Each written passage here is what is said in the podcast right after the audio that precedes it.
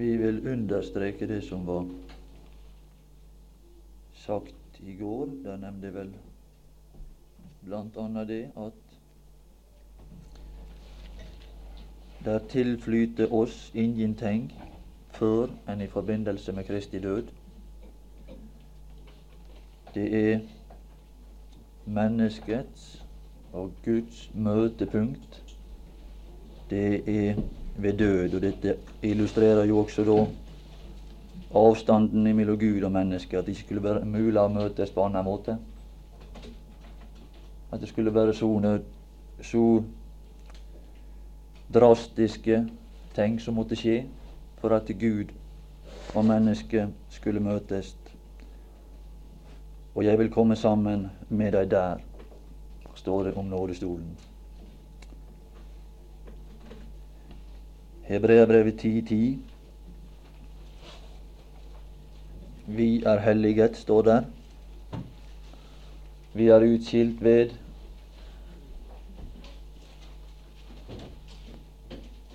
ved ofringen, ved dette drastiske tiltak.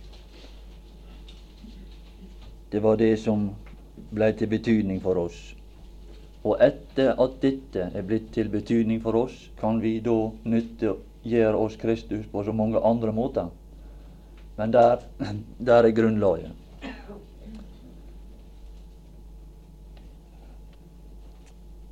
Vi skal ta noen bemerkninger til det som var sagt i går.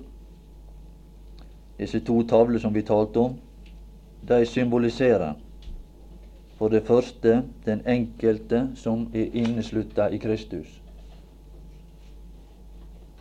Den gjenstand som bor i ark, denne ark, som er et skjulested for den som er mørk fortid. Og når Gud ser på oss i den tilstand, i Kristus, så ser han bare kvaliteter som er gjort av en annen person. Ting som er gjort av en annen. Han ser ikke noe vårt. Og han ser ting som bare er av guddommelig kvalitet. Disse to tavler de taler da videre, som vi skal se fra Romerbrevet, om to folk som er gjort til ett i Kristus. Og de som ikke er den som ikke er kommet inn i Kristus, så er det i alle fall adgang både for jød og hedning, sier romerbrevet. Og vi skal bare lese det, for å, det er for så vidt ikke så vanskelig å ta den tanke. Det er bare det at det kan være greit å få det et ord for det i romerbrevet 3 her. Det er nokså anerkjent og, og og noe som vi alle her regner med. I det 29. vers i kapittel 3 står det Eller er Gud bare jøders Gud? Han var det. Han var bare jøders Gud ei tid. Han er alle menneskers Gud i den forstand, men han viste bare nåde i forhold til jødefolket.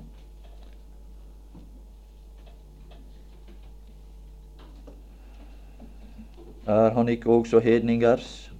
Jo, han er også hedningers. Så sant Gud er én, og han rettferdiggjør de omskårne av troen og de uomskårne ved troen. Det gjør han i dag. I dag er han plass for alle. Her er rom både for jød og hedning. Og etter at vi er kommet inn i dette i Kristus, ser ikke Gud verken en jøde eller en hedning han ser Kristus og sine kvaliteter og ingenting annet. Og han er fornøyd. Og vi kan falle til ro og være glad og fornøyd med det Gud har fått i stand. Denne ark ser ut til å ha en litt merkelig historie. Og jeg veit jeg kanskje nevnte litt om det i går. Den bestod da Guds tanke var at den skulle bestå av to materialer. Det var gull, og det var akasjetre. I 5. Mosebok 10 der er det nevnt bare akasjetre. Og dette for å gi oss den forståelse at det første vår frelser blei til, denne rekkefølge, det var først akasietre. Først var han bare dette mennesket, mennesket Kristus Jesus. Og seinere blei han kledd med gull. Og da ble han noe mer, da ble han Kristus den herliggjorte. Men rekkefølga her er betegnende.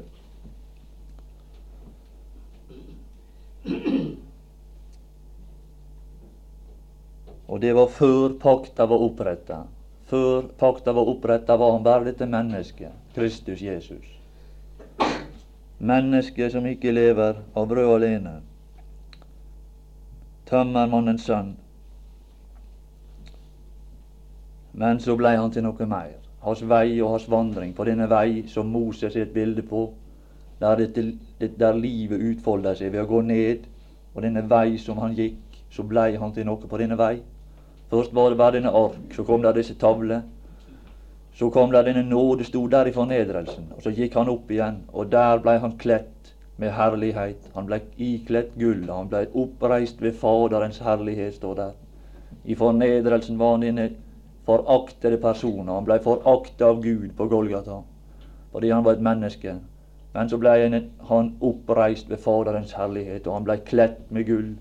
Og mennesket er forsvunnet fullstendig i den forstand, men det er der allikevel. Akasietreet er der, men det er ikke synlig for Gud mer. Han ser bare det guddommelige. Det som virkelig har verdi. Det som er de guddommelige kvaliteter og er lik hans eget vesen.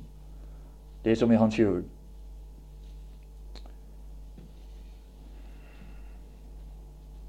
Ja, det står i Romerbrevet 6. Han ble oppreist han ble oppreist. Det var ikke det han sto opp. Det er ei side av sannheten å tale om de kvaliteter som er i han til å stå opp.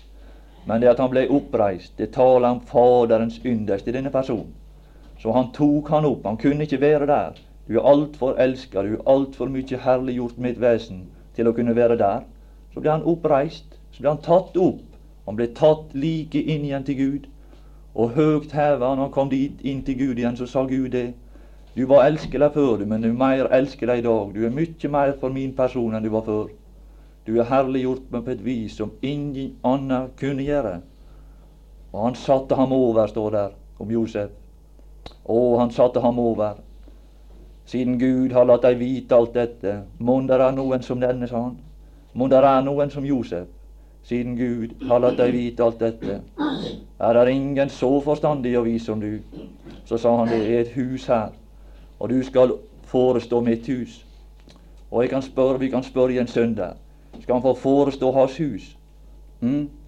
Han skal få forestå Guds hus. Skal han få forestå ditt hus? Men skal la, vi la andre få forestå vårt hus? Skal andre få stelle med vårt hus?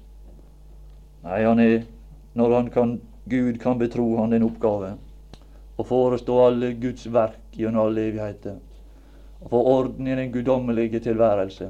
Tror du han kan få orden i vår? Tror du det? Må prøve, må prøve det. La oss prøve det, venner. La oss prøve.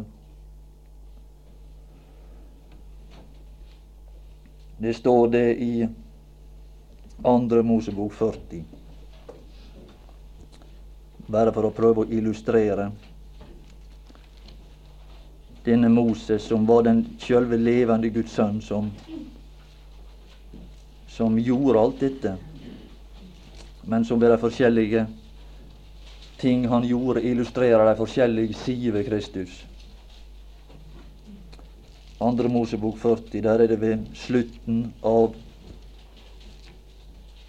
tabernaklet før det ble reist og satt i sin endelige stand.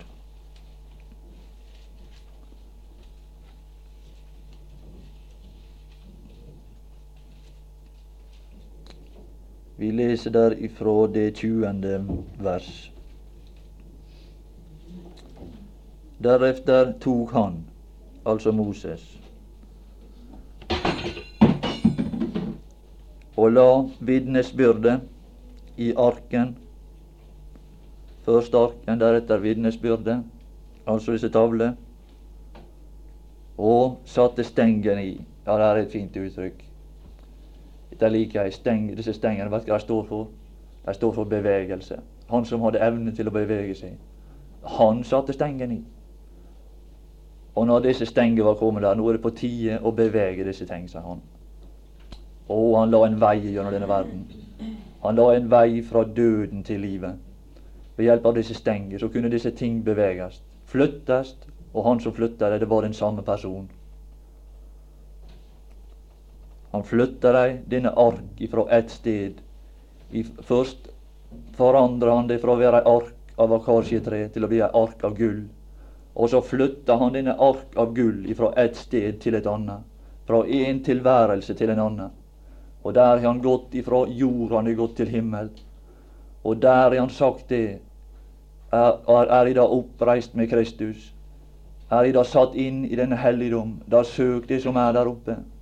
For det er der han er sine interesser, og der kan vi ha vår interesse. Der kan vi være glad. Der kan vi bevege oss inn til Gud, i Faderens nærhet, der gull og de guddommelige verdier omgir oss alle plasser.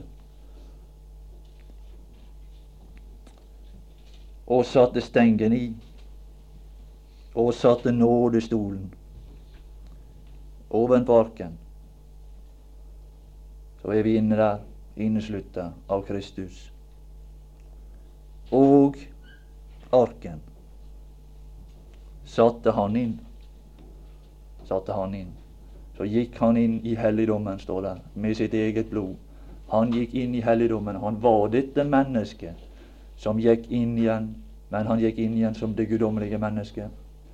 På Golgata var han det forakta mennesket, mennesket som dør fordi det er, på grunn av sine kvaliteter som det har, bederva.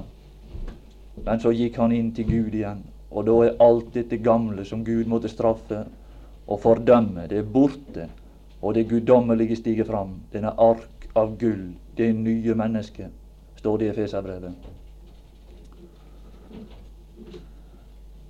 Han satte nådestolen ovenpå arken, og, og arken satte han inn i tabernakelet. Og det er den eneste måte et menneske kan komme til det himmelske på i vår tid. Det er å få reise sammen med Han. Å komme inn i Kristus og bli heva og flytta.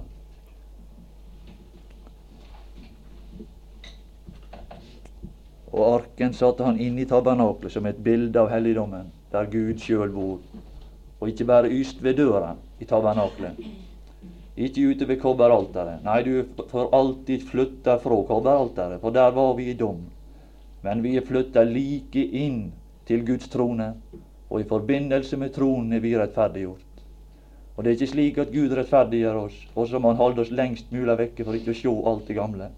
Nei, Gud rettferdiggjør oss på en slik måte at Han kan ta oss like inn til seg sjøl.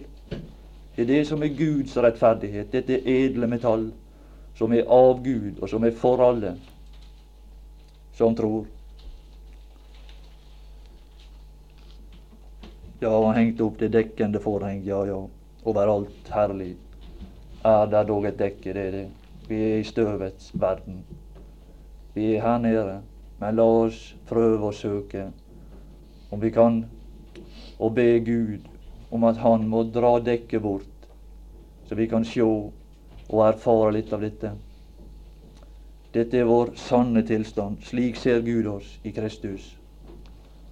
Og Han ser oss fullstendig gjenskapt. Og det står det i 2. Korinterbrev at dersom noen er i Kristus, da er han for Gud en ny skapning.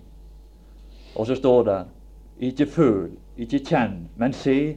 Se det som Gud ser. Han ser at alt er blitt nytt. Og hvis vi kan gå inn i denne opplevelse og se det slik som Gud ser det, kan alle ting i vår trivielle hverdag fortone seg nytt. For alt er blitt nytt. Over alle ting i livet kan det komme guddommelig lys og en ny tilværelse. Fordi det starta, starta noe nytt. Og på alle områder kan vi føle det nytt dersom vi lever i Guds nærhet og ser de ting som Gud ser. Ja, da er ikke et beger koldt vann. Da er ikke det et, et beger med koldt vann lenger. Nei, det er ikke det. Da er det, kan det tales om i forbindelse med Gud. Og alt hva dere gjør, gjør det til ja, ja, i ord eller i gjerning, gjør det alt i den Herre Jesu Kristi navn. Da kan Hans navn bringes inn, og da blir det verdier med en eneste gang. Det dere gjør. Det er noen som går rundt omkring oss, som ikke har evne til dette. De kan ikke gjøre det i forbindelse med Jesu navn. Men vi har disse evne. Vi kan.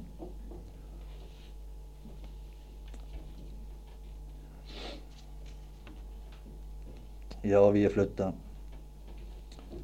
Og hva flytta han oss? Det står vel i Efeserbrevet så enkelt så det kan det kan sies, men det er uttrykk for oss som oftest. Vi forstår så lite av det. Vi leser det til kjedsommelighet, men vi forstår nesten ingenting av det. Og det er realiteter som ligger bak.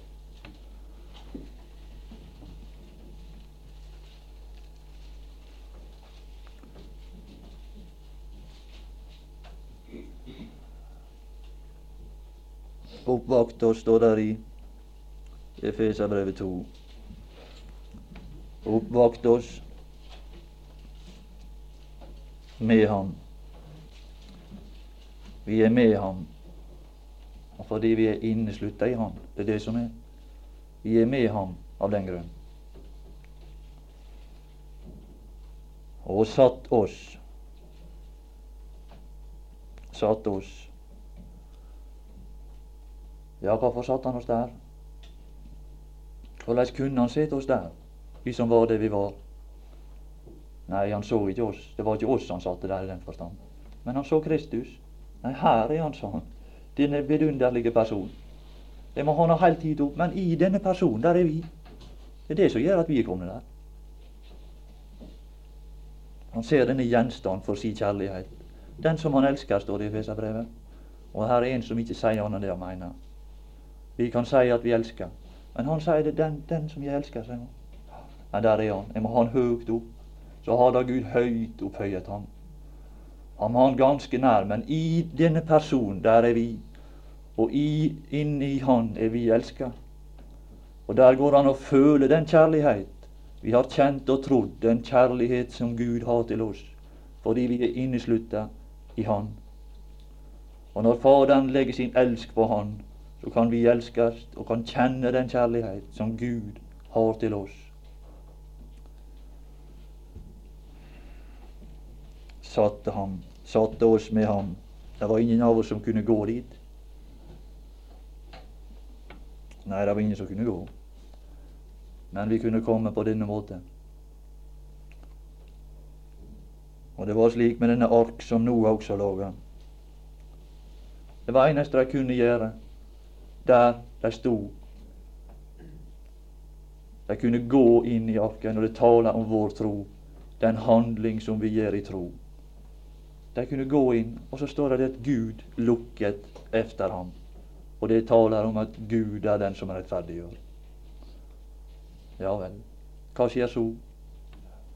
Så kommer dommens vann. Men hva er det eneste de formår? Disse dommens vann med denne personen Kristus, den ark. Hva er det eneste dette formår? Det eneste dette vann formår, det er å heve oss fra én form for tilværelse til en annen form for tilværelse. Og kan var han traff der han åpna denne dør, Eller da så han like i ansiktet på Gud. Det er det vi ser. Vi ser like inn i Guds og Faderens smil, og vi ser det at dommen er forbi oss, og herligheten ligger foran oss. Og efter denne dom så er det Gud som kommer til noe og taler. Og det er det han gjør, vår Fader også. Og han sier det, jeg vil aldri mer ødelegge jorden for menneskets skyld. For mennesket er det det er. Men jeg skaffer meg til veien noe som kan skjule synderen, og gi han en plass i Guds nærhet. Og det blir stående, står det. Hva blir det stående? Fra det lave til det høge. På Araratfjellet, der er høgde. Og det der er Feserbrevet holder til. Det er i høyden. Der det er høgt å være. I himmelen i Kristus. Ja, vi skulle også ha lest litt her i Efeserbrevet 2. Det er for så vidt ikke så enkelt, dette. Disse vers som står der videre fra det tolvte. Ellevte og tolvte vers utover. Det er mye lest. Men man sier det er forskjellige ting som er vanskelig å forstå. Og lite av det forstår jeg, men vi skal prøve å lese litt der.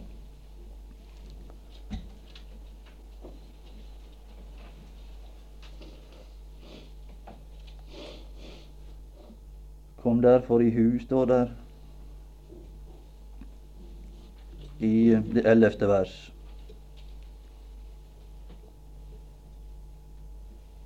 Kom derfor i hu at dere som fordum var hedninger i kjøttet, og ble kalt uomskårne av den såkalte omskjærelse på kjøttet, den som gjøres med hånden. Det er merkelig uttrykk. Den som gjøres med hånden. Er det en annen omskjærelse? Ja visst er det det. Det er noe som heter Kristi omskjærelse. Og den som ikke er omskåren i det ytre, han er omskåren i Kristus. Den som gjøres med hånden, at i på den tid, og den som gjøres med hånden av et menneske, den gjordes med hånden av Gud, idet han omskar sin sønn på Golgata. Der ramma Guds omskjærelse hans sønn, og der fikk kjødet sin dom ved Kristi omskjærelse at dere på den tid sto her i stilling. Og det er vår tilstand her nede før denne Moses åpenbarer seg. For han åpenbarer seg Han som kan flytte oss.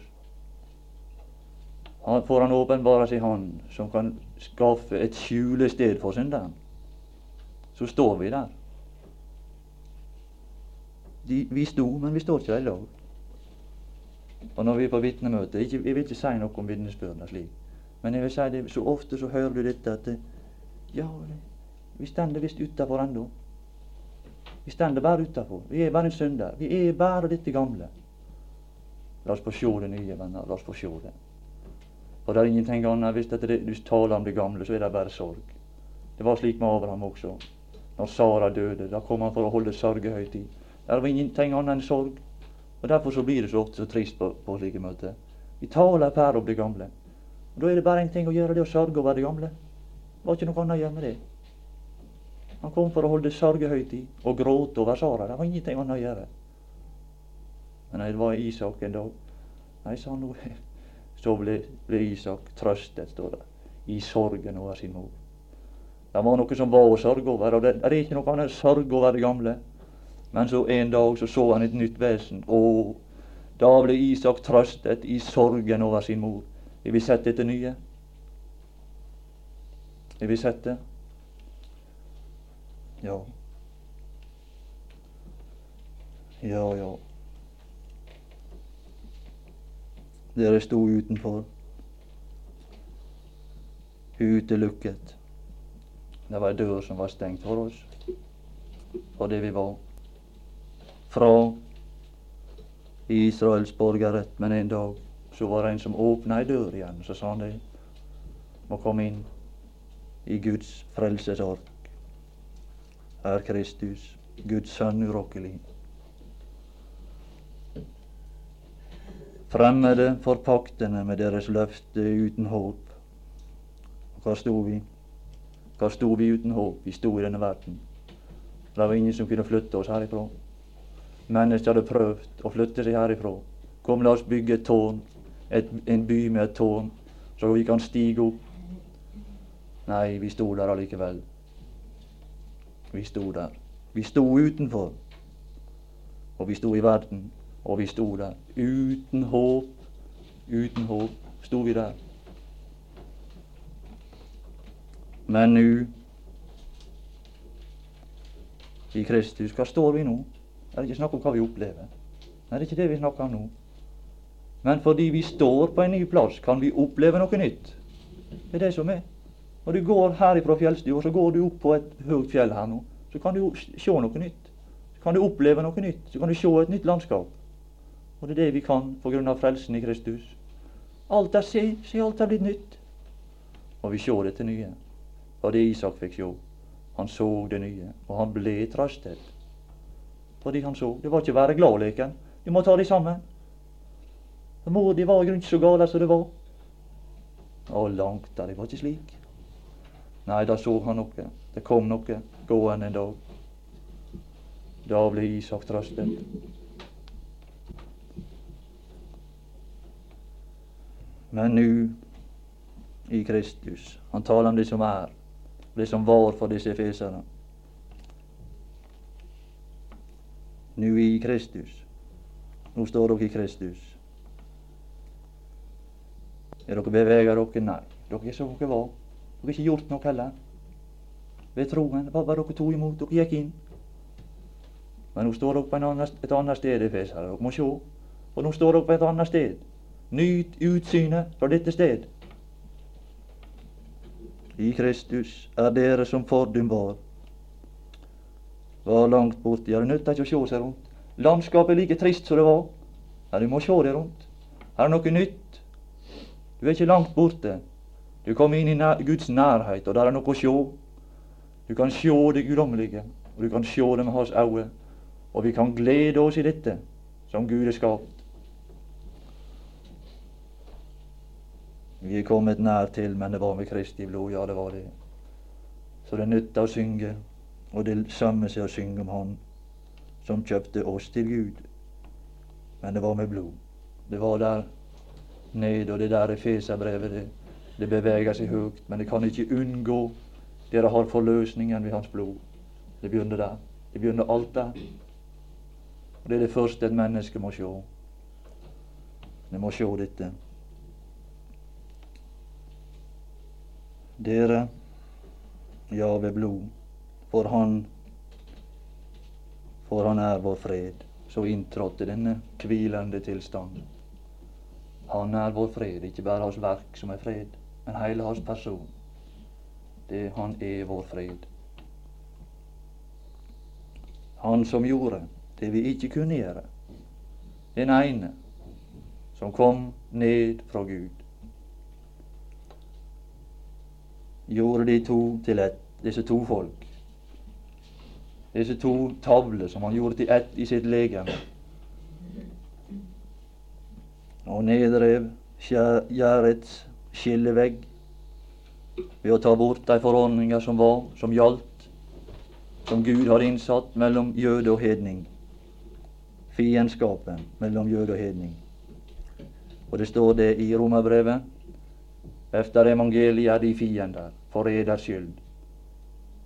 Det er fiendskapen.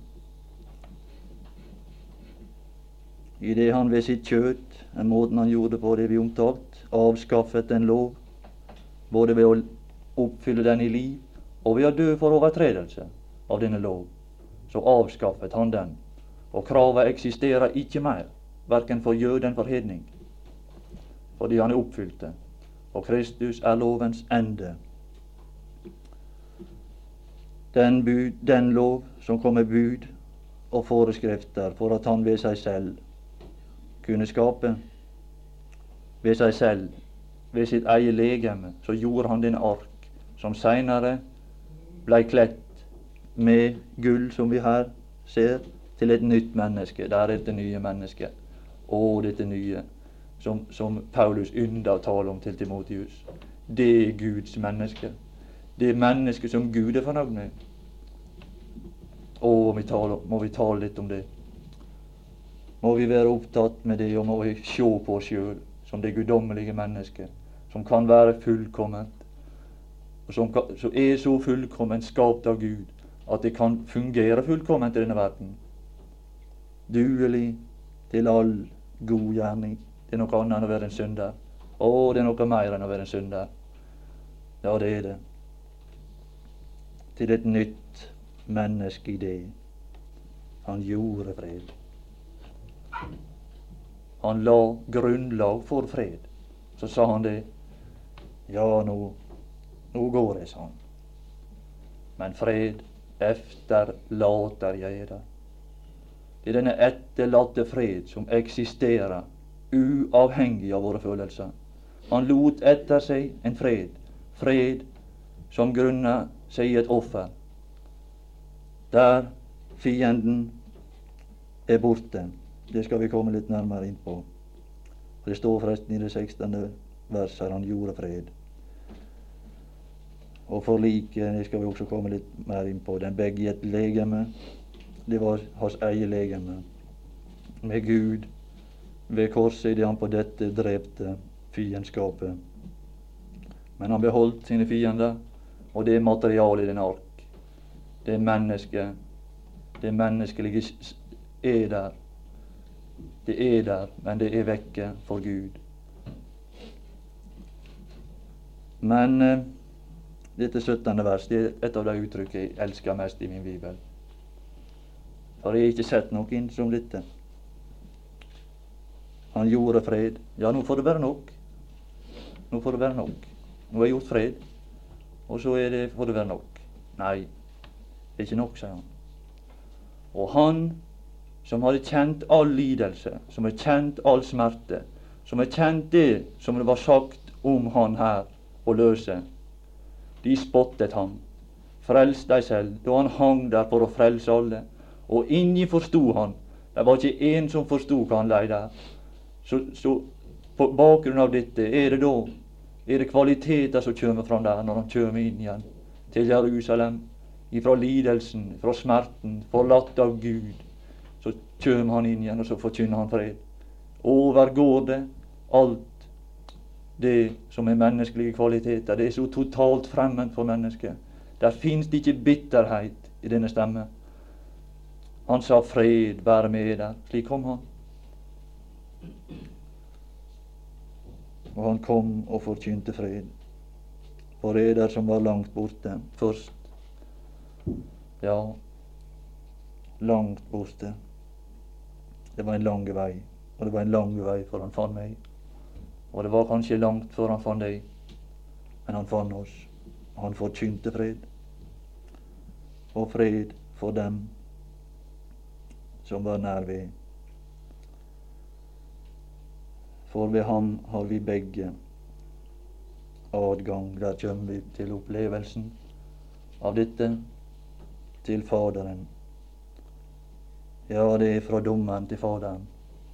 Det er fra Guds dom til Faderens nærhet. Og det er så mye finere mye finere forhold mellom Faderen og, mellom Faderen og barnet, eller mellom den tiltalte og dommeren. Det vet du det er stor forskjell på.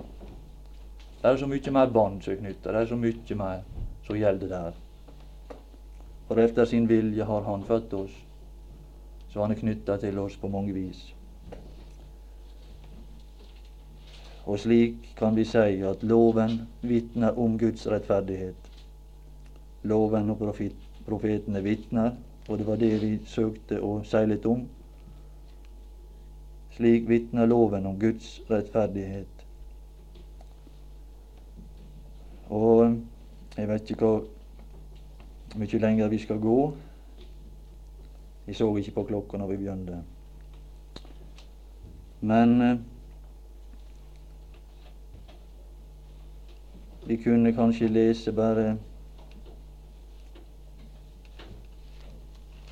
Siden vi holder på med dette emnet om Guds rettferdighet, lese Isaiah 26, 9-10.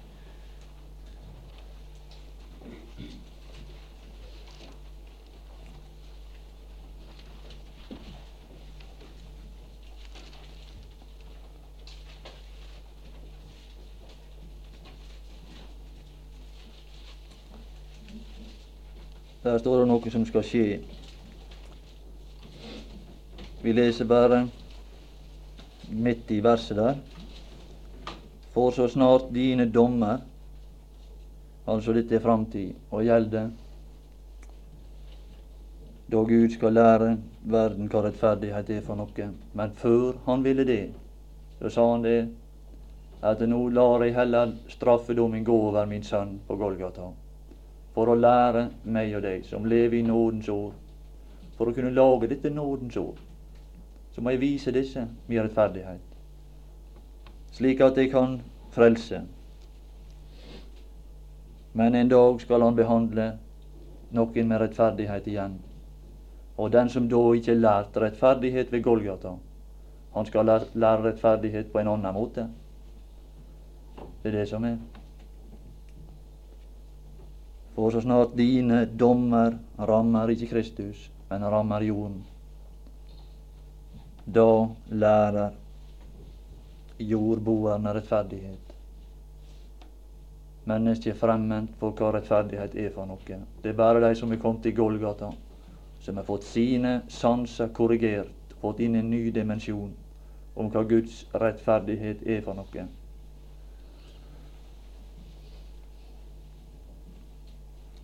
Og det vil nok skje i den store trengsel, men vi kan være glad at vi har fått et inntrykk for Guds vrede åpenbares fra himmelen, og det er dette store siktepunkt å frelse oss.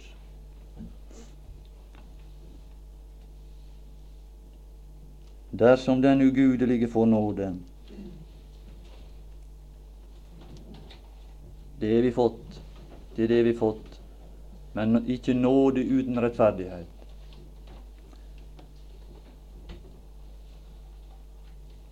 Så han kunne være rettferdig og gjøre den rettferdig. Han var rettferdig på Golgata, og i forbindelse med rettferdighet er vår frelse.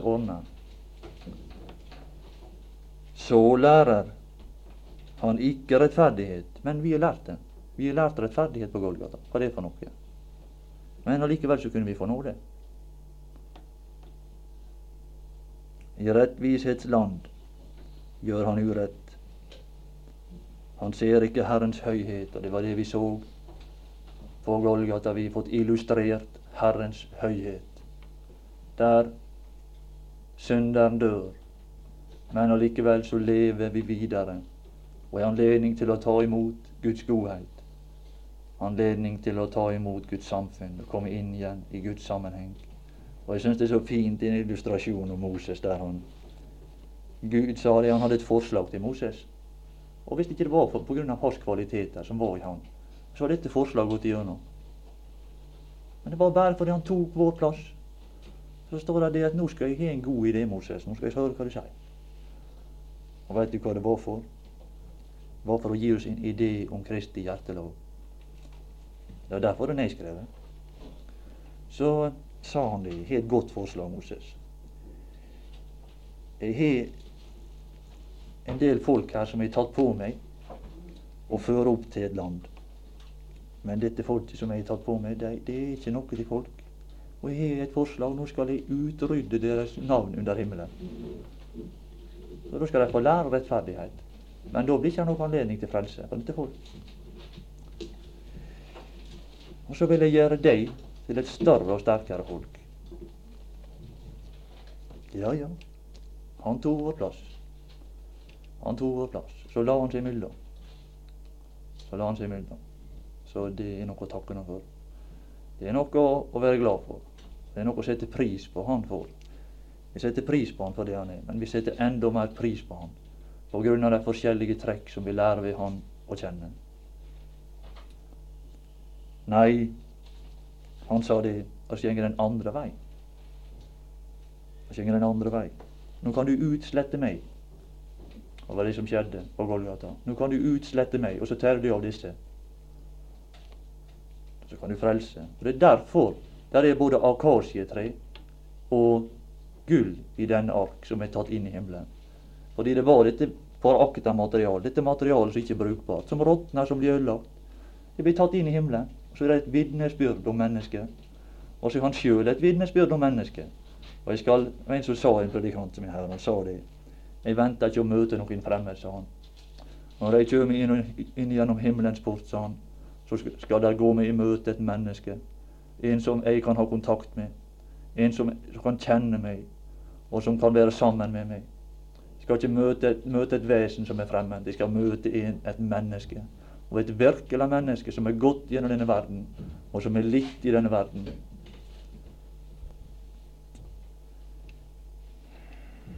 Ja, vi kan bare slutte av dette og si det at som det står i Romerbrevet 3.24. Der føres dette totale omslag. Jeg hadde så lyst til å prøve at vi skulle være litt opptatt med, og det som fører fram til det.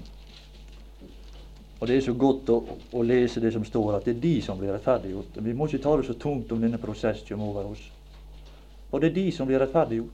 Det er bare de som vil gå denne vei og de som vil stå for Gud og ta oppgjør i denne tid og bli ferdig med det. Det er de som blir rettferdiggjort. Og det er ingen andre som får oppleve Guds rettferdighet og komme i kontakt med, med gullet i Guds nærhet, enn de, de, som, de som går gjennom prosessen. Og det er de som blir rettferdiggjort.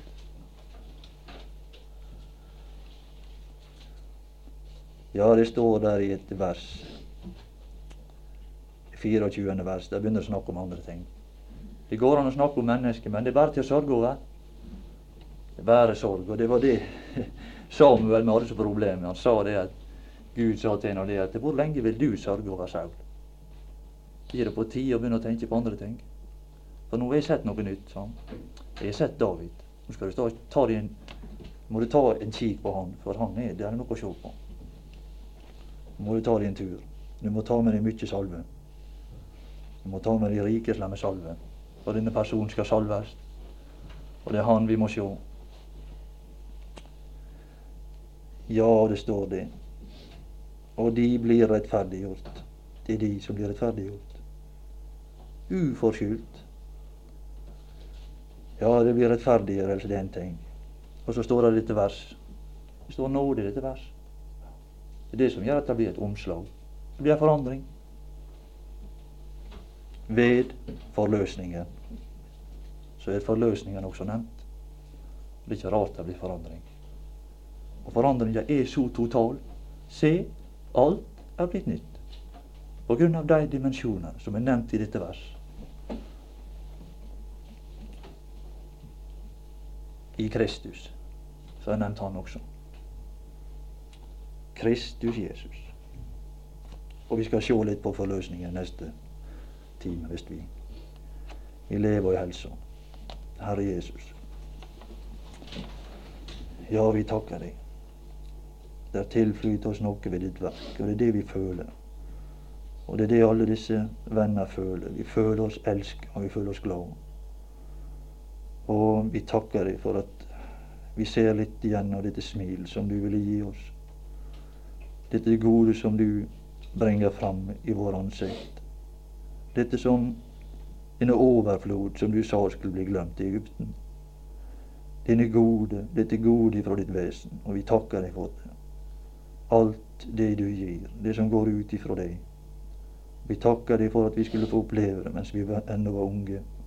For synda tok det beste og det meste. Herre Jesus, takk. Amen.